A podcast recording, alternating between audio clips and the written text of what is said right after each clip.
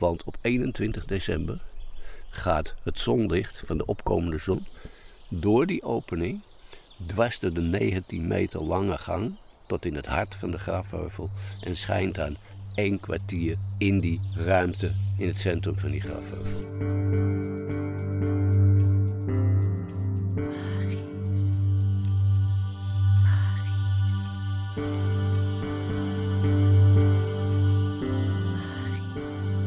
Het heeft bijna een jaar geduurd, maar Magisch Nederland gaat weer beginnen.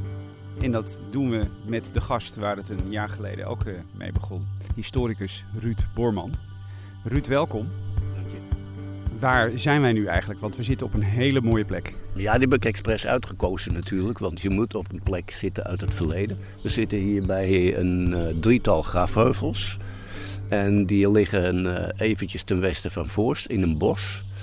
De zon uh, staat nu recht erboven, waardoor die heuvels heel goed belicht zijn. Maar als je in het najaar of voorjaar komt, of in de winter, dan zijn vaak uh, die heuvels alleen maar door de zon belicht. En die bomen zijn allemaal een beetje donker. Dan krijg je een heel speciaal effect. Als je dan van veraf aankomt lopen, is net of die grafheuvels verlicht zijn. Dus, en dat er zijn drie grafheuvels hier. Twee daarvan die zijn uit de bronstijd, zo'n 3.500 jaar oud. En eentje waar we nu tegenaan zitten, die is uit de nieuwe steentijd. En die is uh, zo'n 4000 jaar oud. Een heel bijzondere plek dus. Wij staan aan het begin van een interessant project dat jij hebt geïnitieerd. En dat heeft de naam gekregen Ruud Borman Reiziger tussen hemel en aarde. Zou je daar wat meer over willen vertellen, wat dat project is? Dat project komt erop neer dat uh, we heel ver teruggaan in de tijd, naar de ijstijd. En in de loop der tijd steeds gaan kijken hoe mensen naar de hemel kijken. Wat ze daarbij voelen, wat ze daarmee doen. Religie komt erbij aan de orde, maar ook de gebouwen die ze maken die in verbinding staat met, met uh, de hemel. En de Egyptenaren hebben een heleboel goden en godinnen die allemaal in hun naam al uh, hemellichamen in zich hebben. En nou, grafrituelen die kunnen er ook mee in verband staan. In de middeleeuwen komt er een hele lange periode waarin er helemaal geen sprake is van wetenschap. Dan gaat het alleen maar om de kerk en niks anders. Maar daarna uh, met de renaissance krijg je weer mensen die astronomie gaan bedrijven, die weer naar de hemel gaan kijken, weer ontdekkingen doen. Jules Verne schrijft een boek over de reis naar de maan. En in onze eigen tijd hebben we de ruimtevaart, de telescopen die uh, miljarden kilometers uh, het heelal inkijken. en nou, een heleboel dingen leren. Uh, ons leren. Waardoor we een beter inzicht krijgen over uh, zelfs uh, de oerknal en alles wat er toen allemaal plaatsvond. Kun jij iets vertellen over hoe jij zelf vroeger al in contact bent gekomen met bijvoorbeeld astronomie en waarom dat je interesse heeft gekregen?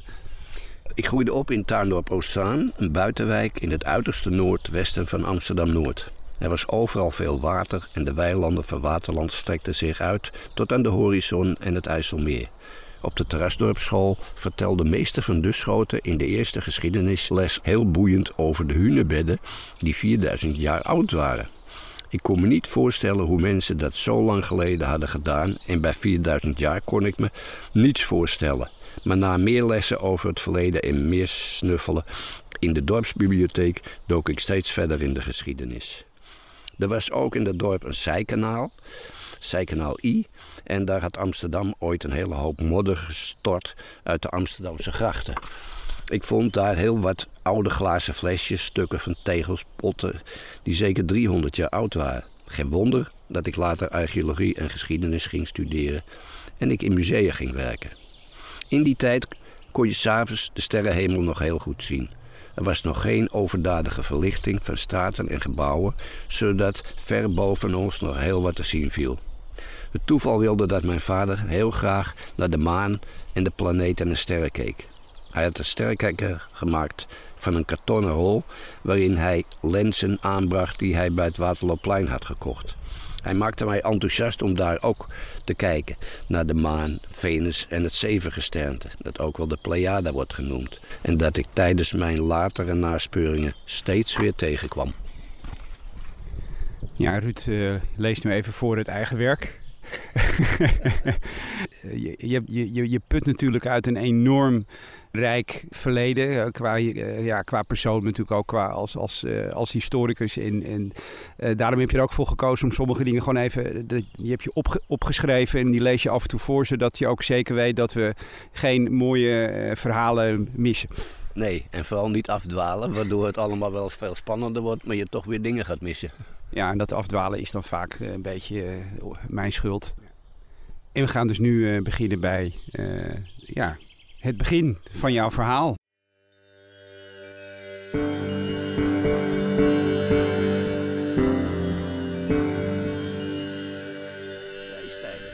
Mijn eerste werkplek was het gemeentemuseum Arnhem, dat bovenop een heuvel uit de voorlaatste ijstijd stond.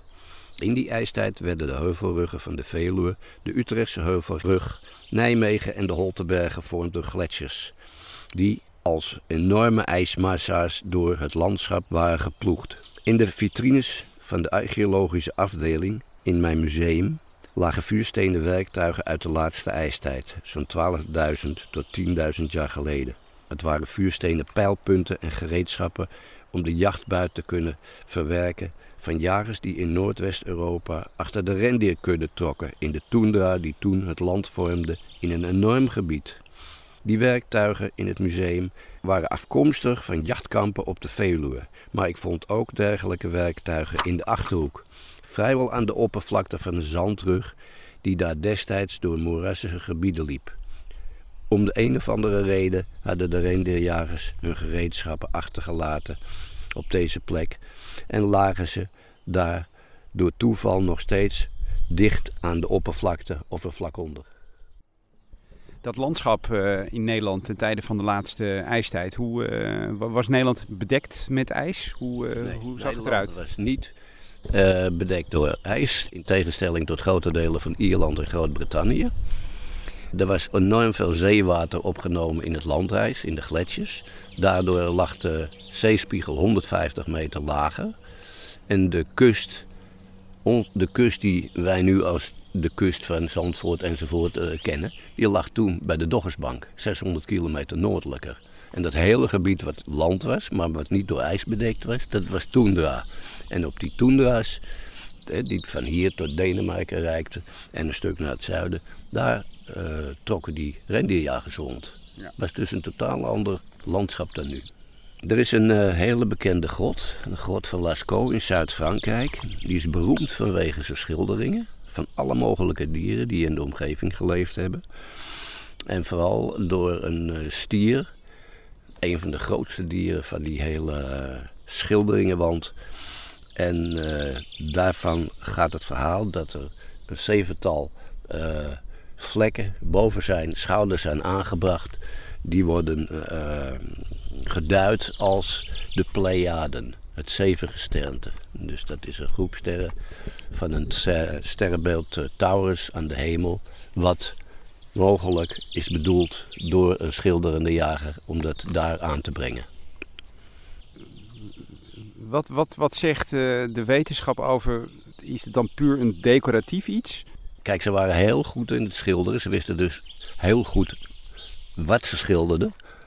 En eh, in welke vorm ze dat deden. Ze, hadden kennis van, van eh, verfstoffen en, en ook van eh, eh, middelen om te schilderen. Eh, ze hadden ook eh, holle botjes of stenen waar ze, waar ze de verf in eh, met, met diervet waarschijnlijk eh, eh, aanmaakten. Maar die, dit is vrij eh, apart. Dat, dat- komt niet veel voor. Eh, zelfs mensen worden nooit afgebeeld. Er is maar één menselijke afbeelding bekend. En eh, het zou kunnen betekenen dat een van de jagers toch af en toe, als die eh, ook meeging met die, eh, op jacht en achter dieren aantrok, verwonderd was door het heelal en wat hij daar zag. Buiten de grot is het ijskoud. Er branden vuren om de wilde dieren weg te houden. De wachters bij de ingang zien een paar jagers met buit aankomen. Ze hebben een hert gevangen. Daar zullen de bewoners van de grot blij mee zijn. Al een paar dagen was er geen jachtbuit binnengebracht. De jagers slepen het hert door de smalle opening de grot binnen. Er hangt veel rook, maar dat verandert bij het binnengaan van de grote grot, waar de vuur bovenaan blijft hangen. Daar is het behagelijk warm. De kinderen juichen van vreugde als zij het hert zien dat de jagers meegenomen hebben. Diep in de grot worden prachtige schilderingen gemaakt. De, de afwezigheid van natuurlijk licht maakt dat ze bijna in het donker moeten werken. Dat ze zich moeten bedienen van vuurtoortsen of stenen lampjes met, uh, gevuld met olie wat ze aanstaken. En daarmee toch uh, enigszins de dingen konden aanbrengen die ze wilden. Er waren natuurlijk geen ideale omstandigheden, maar ze waren zeer gemotiveerd. Schilders zijn zeer geconcentreerd bezig. Het schilderen van de prachtige dieren op de ongelijke wand is moeilijk en gevaarlijk. Er wordt in stilte gewerkt. Af en toe komt een vrouw of man in gewijde stilte kijken. De sjamaan zwijgt en geeft nooit aanwijzingen. Dit is een heiligdom, waar de stilte alleen doorbroken wordt als er een ritueel wordt uitgevoerd. een soort uh, korte literaire impressie van hoe jij voorstelt dat het, het eraan toe is gegaan uh, in Lasco. Ja, uh, ja, ik probeer me dat altijd voor te stellen. Ik heb al, al toen ik met geschiedenis, voor geschiedenis begon te interesseren, altijd gedacht: en hoe zag het er dan uit?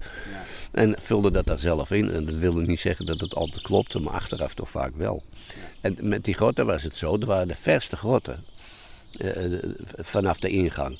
Ze, ze schilderden nooit, waar er ook nog maar een beetje daglicht, maar was wel heel diep, bijna in geheime rituele, ceremoniële ruimte bezig. Ja, ja.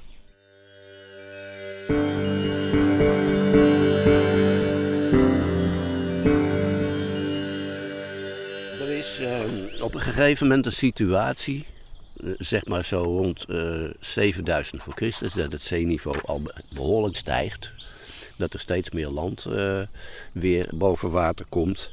En dat er groepen mensen zich langs de nieuwe kusten gaan vestigen.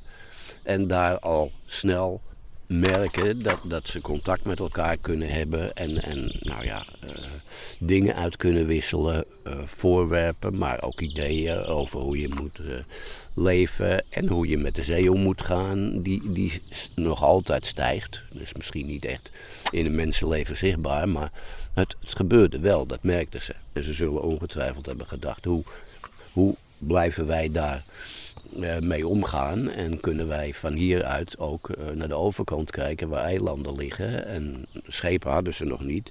Maar uh, er is wel op een gegeven moment een soort situatie ontstaan, ook wanneer er meer niet alleen maar rondgezworven wordt om, om, voedsel te verzamelen, maar ook een eerste vorm van landbouw. En dan wordt er toch een hele andere economie komt er tevoorschijn, waar het ruilen van goederen en ook belangrijkere goederen uh, gewoonte wordt. Dan is er eigenlijk al een soort netwerk ontstaan. Hè, wat, wat archeologen dan noemen uh, die Atlantic Connection. En het kenmerk daarvan is dat, dat ze allemaal langs de randen van de oceaan wonen. En die als een verbindingsmiddel gebruiken om dingen te ontdekken en van daaruit culturen te ontwikkelen. Die ook een vorm krijgen in, in het maken van potten en, en het maken van bepaalde gebruiksvoorwerpen en zo. En uh, er is een schrijver die heeft een heel mooi boek aangeweid. Dat heet, die heet Barry Cunliffe. En uh, dat is Facing the Ocean heet dat. Die heeft heel veel hierover geschreven. En hij schrijft ook een, hij heeft ook een citaat over deze mensen. Hoe zij de oceaan zagen. Deze mensen leefden aan de rand van de wereld in plaatsen als Land's en Finisterre. Het eind van het land en keken uit op de prachtige maar vreselijke uitgestrektheid van de oceaan. Een kolkende oneindigheid zonder mededogen, waarachter niets meer was. Ja, mooi. Deze auteur die heeft dus met name onderzocht hoe zich vanuit uh, die eerste nederzettingen die zich uh, aan de kusten uh, die, die gingen ontstaan, dat, die, dat deze bewoners dus ook inderdaad onderling met elkaar in contact waren en dat uitbreiden tot, tot weet ik veel hoe ver? Tot in Spanje. Ja. Is dat op een gegeven moment, al die Atlantische, Bretagne komt erbij, Spanje komt erbij, zelfs een stukje van, van, van Marokko. En dat, dat breidt zich steeds meer uit. Maar er, is, er blijft heel lang een verschil tussen die eh, Atlantische culturen en de culturen in het binnenland. Die, die, die hebben weer hele andere uh, kenmerken en zo. De, de, het gaat pas samenvloeien op het moment dat Stonehenge klaar is. En in de tijd van Stonehenge kwamen door immigraties kwamen er heel veel dingen die nieuw waren. Ehm, metaalbewerking, uh, stenen monumenten maken, uh, allemaal nieuwe kennis. En die kennis die kwam van, van, van Midden-Europa, maar die kwam ook vandaan. En dat, dat, dat gaat dan pas, gaat dat zich mengen. En dan, dan worden de mogelijkheden ook veel groter. Want dan denken die Atlantische mensen, die denken niet meer van... oh ja, we moeten hier blijven. Nee, die denken ook dat ze naar Zuid-Frankrijk kunnen gaan of naar Midden-Europa. En, het is niet voor niks ook dat uh, in die periode... Uh, die schijf, die later nog aan de orde komt, die schijf van Nebra... met de eerste voorstelling van het heelal... dat die laat zien, mensen kijken verder dan een neus lang is. En je ziet dat ook, dat soortgelijke voorwerpen dan in een veel groter gebied dan voorheen uh, terechtkomen ja. of gemaakt worden.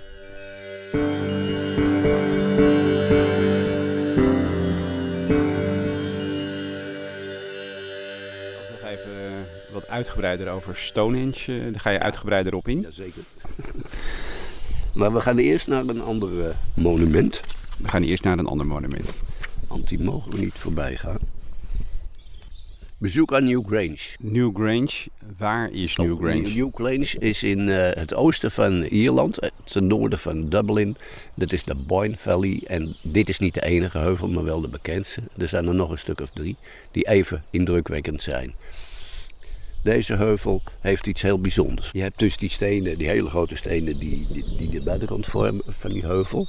En dan is er een ingangspartij met een liggende steen waarop allemaal spiralen zijn aangegeven. Daarboven is een toegangspoort. Dan komt er een soort latij, een, een liggende steen daarboven. En dan nog een opening.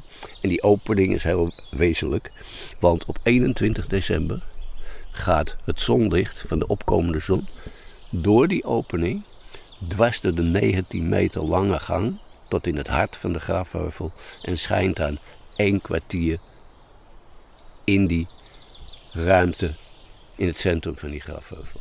Jij bent daar geweest uh, op dat moment ook, of niet? Niet op dat moment. Dan moet je een paar jaar van tevoren voor inschrijven. Oké. Ja.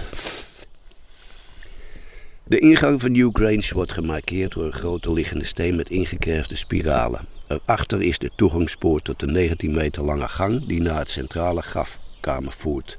Boven deze poort bevindt zich een rechthoekige opening waardoor de zon op 21 december via de lange gang tot in het hart van de grafkamer schijnt. Kende dit wonder van prehistorische architectuur slechts van foto's en films en zou het nu voor het eerst zelf zien.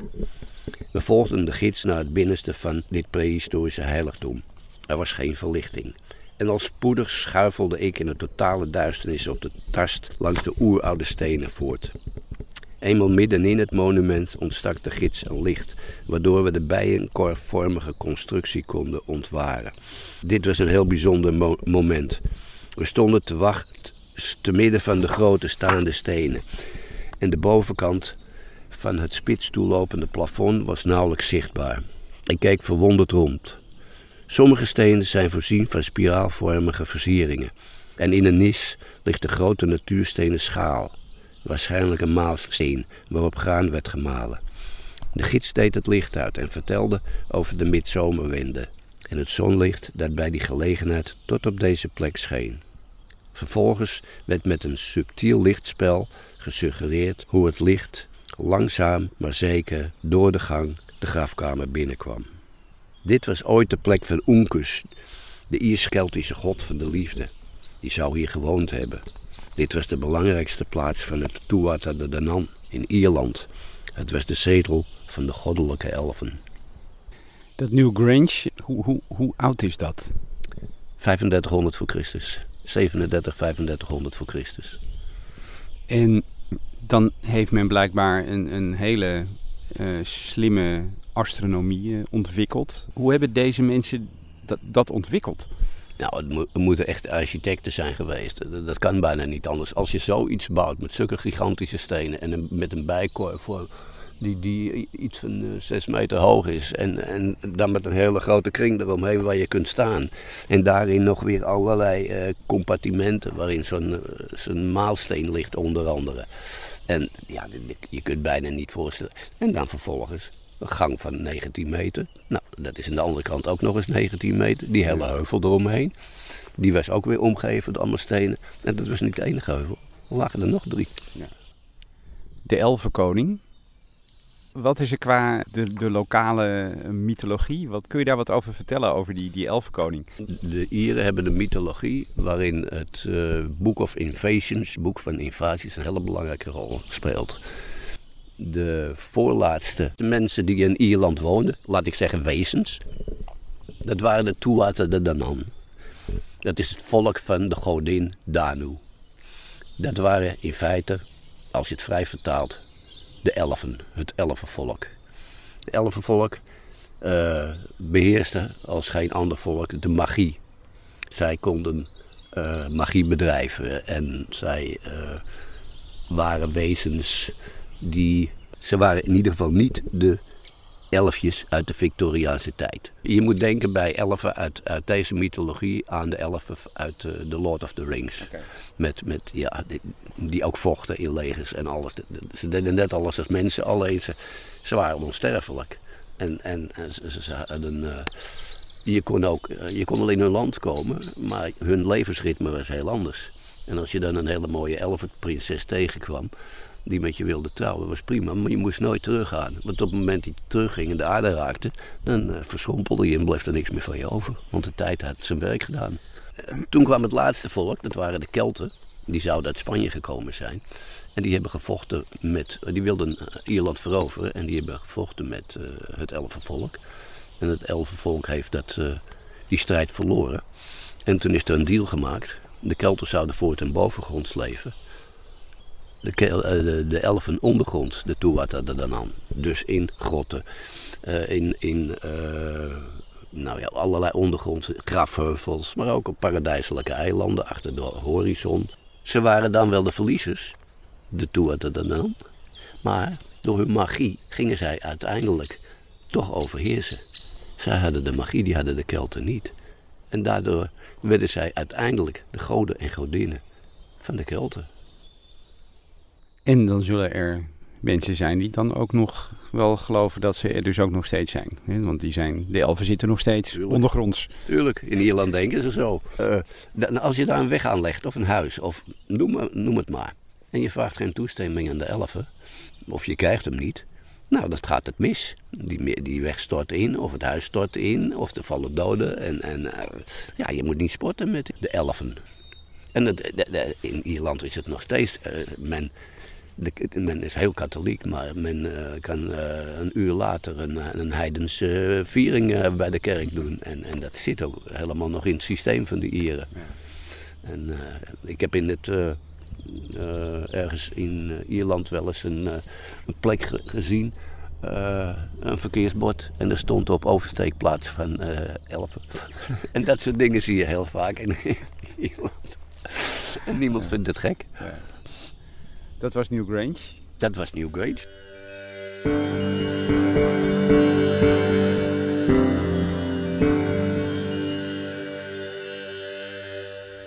We gaan het nu hebben over, uh, over Stonehenge. Dat is een monument in Engeland. Maar Ruud, wat, wat is het voor monument? Het is een, uh, een monument dat ligt op de, de vlakte van Salisbury. In het midden van Zuid-Engeland ongeveer. En het is een steenkring. Bestaande uit hele grote stenen Sarsen stones heten die. Er zijn ook kleine bluestones, die zijn ongeveer iets meer dan een meter groot. Die, die zijn binnen in het monument gemaakt, de Sarsen stones, uh, er helemaal rondom. En dan is er ook nog een hoefijzervorm van beide steensoorten binnen die kring. De aanleg is begonnen rond 3000 voor Christus. Er zijn verschillende bouwfasen geweest. De eindfase is rond 2000 voor Christus. Dan is het monument echt helemaal af, compleet. En uh, ja, het, uh, het is wereldberoemd. Ik begin nu bij het allereerste begin. Het heet nog in Stonehenge. Het heeft ook eigenlijk niks met Stonehenge te maken. Alleen wel met de plek. Op die plek zijn kuilen gevonden die tot 10.000 jaar teruggaan. 8000 jaar voor Christus dus. Zijn plekken, uh, ronde, grote ronde kuilen. Eén daarvan is 5 meter groot. Het is voor een afvalkuil heel groot. Het is de grootste van uh, West-Europa. Daar zijn allemaal resten gevonden van jagers. die nog in het eind van de ijstijd leefden, of net na die ijstijd. Dat, daar kun je bij eh, voorstellen vuurstenen werktuigjes, houtskool, stukjes been, dit en dat meer. Maar het is wel die plek waar voor het eerst uh, zoiets is gevonden. Er zijn er nog meer kuilen van gevonden. Die plek moet toen dus al een aantrekkingskracht hebben gehad voor mensen die zeiden: hier moeten wij neerstrijken, hier moeten wij iets doen, hier moeten wij vuur steken, hier moeten wij uh, jachtkamp hebben en regelmatig terugkomen. En dat is eigenlijk met onderbrekingen steeds opnieuw gebeurd. Totdat Stonehenge voltooid is. Steeds opnieuw is daar wat gebeurd. En daar komen we nog op terug. Waardoor mensen daar zijn. Maar ik zal even schetsen hoe die, hoe die, hoe die bouw ongeveer is geweest. In, 3000 voor Christus dan wordt er een, een, cursus, heet dat. dat. Die naam is genoemd naar, naar wat de Romeinen altijd gebruikten voor wagenrennen. Die naam heeft ook helemaal geen betekenis. Maar het is gewoon een hele lange strook met, met een soort uh, uitgegraven stuk met wallen eromheen. Dat is kilometers lang. En waarvoor het is, dat mag Joost weten. Maar dat is een van de eerste dingen die gebouwd wordt. Dan gaan ze allemaal kuilen graven, waar vooral ook uh, of crematieresten in worden ondergebracht. 61 uh, crematies zijn daar voor mensen. In de hele tijd van Stonehenge. Stonehenge is eigenlijk het meest uh, gebruikte uh, monument voor crematies. Dat, dat is niet alleen in deze tijd, maar dat vind je ook aan het eind van wanneer Stonehenge helemaal klaar, komt het ook weer terug de, hele grote steden, de Bluestones en de Sassenstones, die komen 500 jaar later, 2500 voor Christus. Stonehenge verrijst. Dan zijn we dus rond 2500, 2400. Het transport van de Bluestones van Wales naar Salisbury Plain moet voor de bevolking van toen een wonder geleken hebben, waarover nog decennia lang bij kampvuren verteld werd.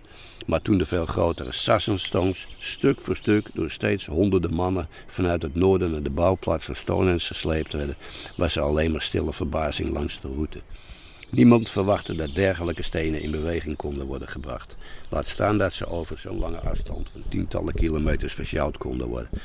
Vervolgens moesten alle Sassenstones op de juiste plek opgericht worden in de ronde cirkel en de trilitons. Dat zijn twee stenen met één dwars erbovenop. In hoefijzervorm met de opening gericht op de midzomerzonopkomst neergezet worden.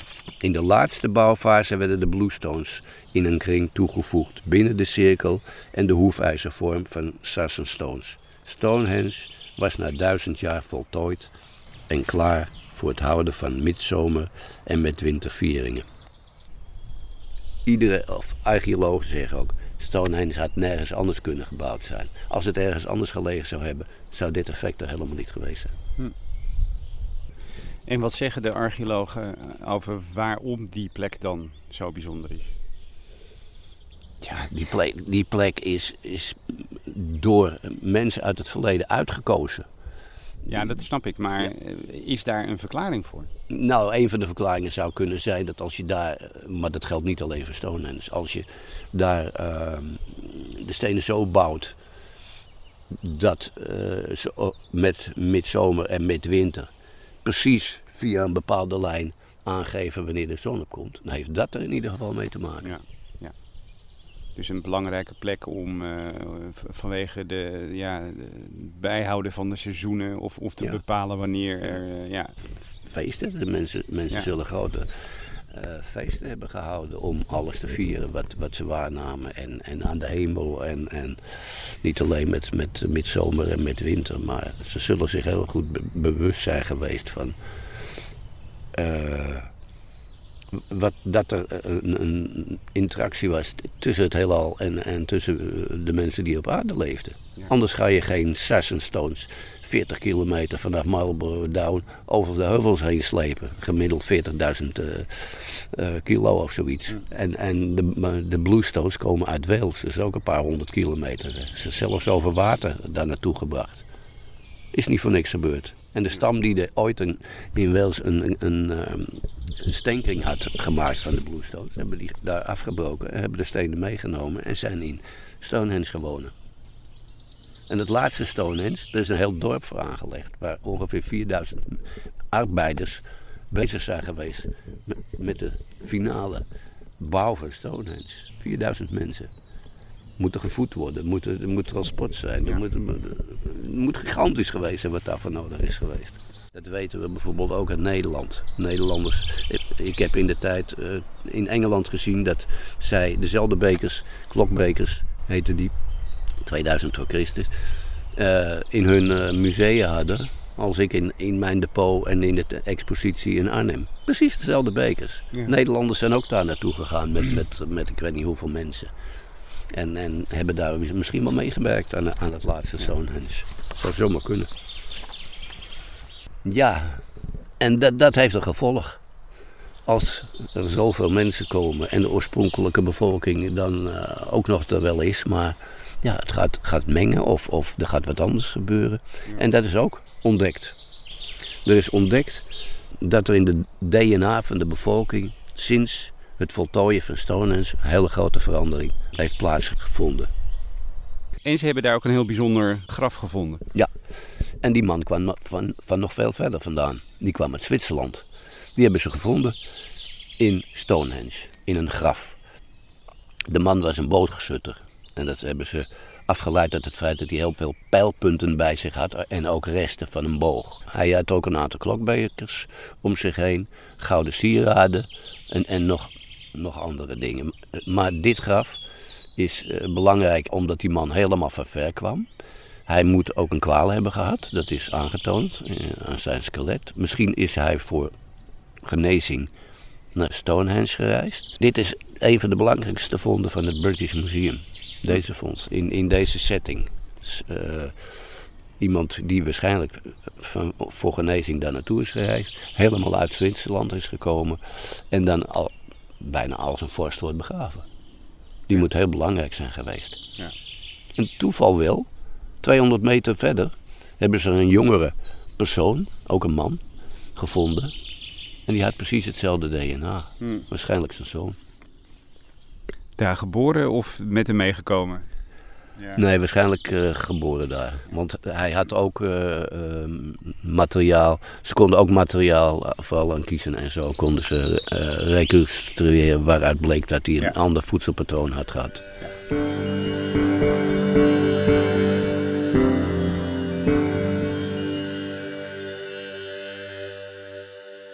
paar keer gehad over de Atlantische connectie, die Atlantic Connection.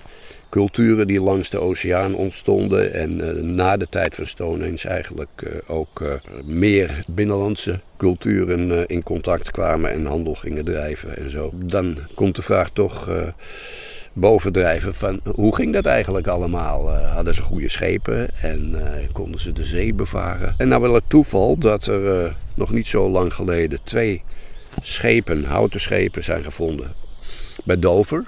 En uh, één schip was uh, perfect uh, geconserveerd. Van 1500 voor Christus. Onder de lading bevonden zich onder andere sieraden, wapens en gereedschappen van de bemanning. En er is ook een schip waarvan bijna niets bewaard is gebleven, maar wel iets van de lading. En dat betrof allebei in Dover trouwens. 300 gereedschappen, wapens en persoonlijke objecten. Allemaal van brons. Uit uh, zowel Frankrijk als uh, Engeland. En er was dus helemaal niets over van het schip. Ook niets van de be bemanning. En dat zijn toch twee schepen die, die, waarvan men zeker weet dat, dat die de zee hebben overgestoken, langs de kust hebben gevaren, handel hebben gedreven tot grote afstanden. En wat ook wel grappig is als uh, kanttekening, dat deze schepen zijn uit dezelfde tijd als de Ilias en de Odyssee van Homerus. Waar volop werd gevaren. Nou, dat er sprake was van veel uh, meer contact, 2000 uh, voor Christus, over en weer in het vasteland van Europa, maar ook met Engeland en Ierland. Dat blijkt ook uit allerlei voorwerpen, met name brons, dat in grote gebieden in, dezelfde vormen en in dezelfde hoeveelheden wordt aangetroffen. Een heel bijzonder uh, voorwerp is in 1999 bij het Duitse plaatsje Nebra gevonden door een paar schatgravers. Het was een bronzen schijf met een diameter van ongeveer 30 centimeter, met daarop de oudste voorstelling van de nachtelijke hemel, gemaakt omstreeks 1600 voor Christus. Bevindt zich in het uh, speciaal daarvoor gebouwde donkere Sanctum Sanctorum van het Landesmuseum Vorgeschichte in Halle aan de Saale. Het maakt deel uit van het Werelderfgoedlijst van de UNESCO. Er staan op aangegeven de zon, de maan, sterren, onder andere de Pleiaden van goud, of een bronzen schijf. Het maakte deel uit van het depotvondst met twee bronzen zwaarden, twee bijlen, een beitel en fragmenten van armbanden. Onderzoek heeft aangetoond dat de uh, aangebrachte gouden uh, delen uh, meerdere malen op de oppervlakte zijn veranderd. Het is dus moeilijk om vast te stellen wat de eerste of de tweede of de derde vorm is die juist weergeeft wat wij hopen dat het is. Het is dus steeds veranderd om ons onbekende redenen. Ja, er is volgens mij een, een, een Engelse, Franse onderzoeker en die, die heeft een, een idee dat dit, deze schijf gebruikt werd. Uh, uh, om uh, ja, de sterren en de planeten mee te observeren. Maar ook op de breedtegraad waar die gevonden is. En dan zou je kunnen zeggen van als het steeds dingen worden veranderd aan de schijf, dan zou je hem dus ook misschien op een andere plaats kunnen gebruiken. Misschien is dat een leuke theorie. Ja, dat zou kunnen. Er is, de laatste theorie over, over het gebruik is dat ze hem hebben gebruikt om tijdens een, uh, een processie of iets dergelijks ja. te dragen. Ja.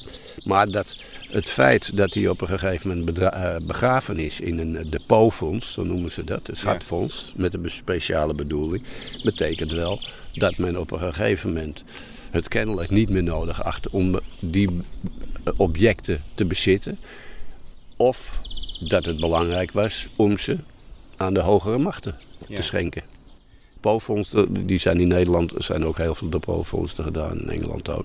Die zijn meestal, daaraan kun je ze vaak herkennen, die zijn meestal geofferd in het veen. En het veen is altijd een overgangsgebied van de menselijke wereld en de wereld van de goden. En dat weten we omdat het, uh, de bronzen voorwerpen die geofferd, geofferd zijn in de depotfonds vrijwel allemaal een groen patina hebben. En dat groene patina krijgen ze doordat ze in het moeras hebben gelegen. Hm. En deze Nebra-schijf, die uh, Ruud, die is binnenkort in Nederland uh, te bewonderen. Ja, die komt in het museum in Assen in het najaar. Nu gaan we natuurlijk niet al te veel reclame maken voor het museum Assen, maar we gaan natuurlijk wel een kijkje nemen. Ja, natuurlijk.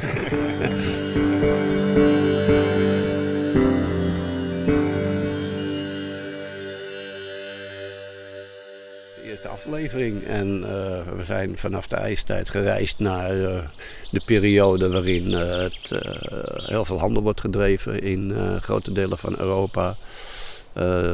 In, het is een tijd waarin in het Middellandse zeegebied ook allerlei ontwikkelingen zijn. De Minoïsche cultuur is een zeemacht, drijft handel met met onder andere Libanon en het Griekse vasteland, met Egypte en is een, uh, een cultuur zonder leger. Met uh, hele grote paleizen. Die uiteindelijk door aardbevingen verwoest zijn. En het is een cultuur die een beetje een tegenhanger is van die Atlantic Connection. Want die Minoïërs waren eigenlijk de eerste zeevaarders van de Middellandse Zee. Hmm. En ze deden dat heel goed. Welke tijd hebben we het over? Dan hebben we het over uh, iets van uh, eh, 1700 tot ongeveer ja. 1400 voor Christus. Dus, het, uh, dus wellicht is de, de vondst bij Dover, kan een Minoïsche boot zijn geweest. Nou, dat lijkt me wel heel erg ver gezocht, maar ik denk dat die wel, uh, dat de Minoïërs wel uh, de Middellandse Zee hebben aangehouden. En ze hebben ook koloniën gehad, maar we weten vrijwel zeker dat ze niet verder dan Sicilië gekomen zijn. Dus jij gaat het de volgende aflevering hebben dus over, over die Minoïsche cultuur. En wellicht ook wat Egypte. En, en Babylonië. De bakermat van de astronomie eh, wordt wel eens gezegd. Wordt wel eens gezegd, maar ik, ik heb ook ontdekt dat de Babyloniërs wel vaak genoemd worden. Maar de Babyloniërs komen heel vroeg voor, 1700 voor Christus en dan later 700, 600 voor Christus. En daar komen de aanwijzingen voor astronomie vandaan. En niet uit die vroegere periode. Oké, oké. Nou, ik, eh, ik verheug me op eh, aflevering 2 van Ruud Borman Reiziger tussen hemel en aarde. Ik ook. Ruud, dankjewel. Oké, graag gedaan.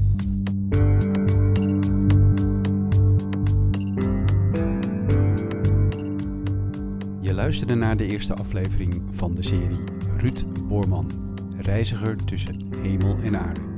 Voor meer informatie over Ruud Boorman en zijn werk, kijk op de show notes van deze aflevering of ga naar de website magischnederland.nl. Daar vind je ook meer informatie over eerdere gasten van de podcast Magisch Nederland. Wij zijn er binnenkort weer. Bedankt voor het luisteren en tot snel.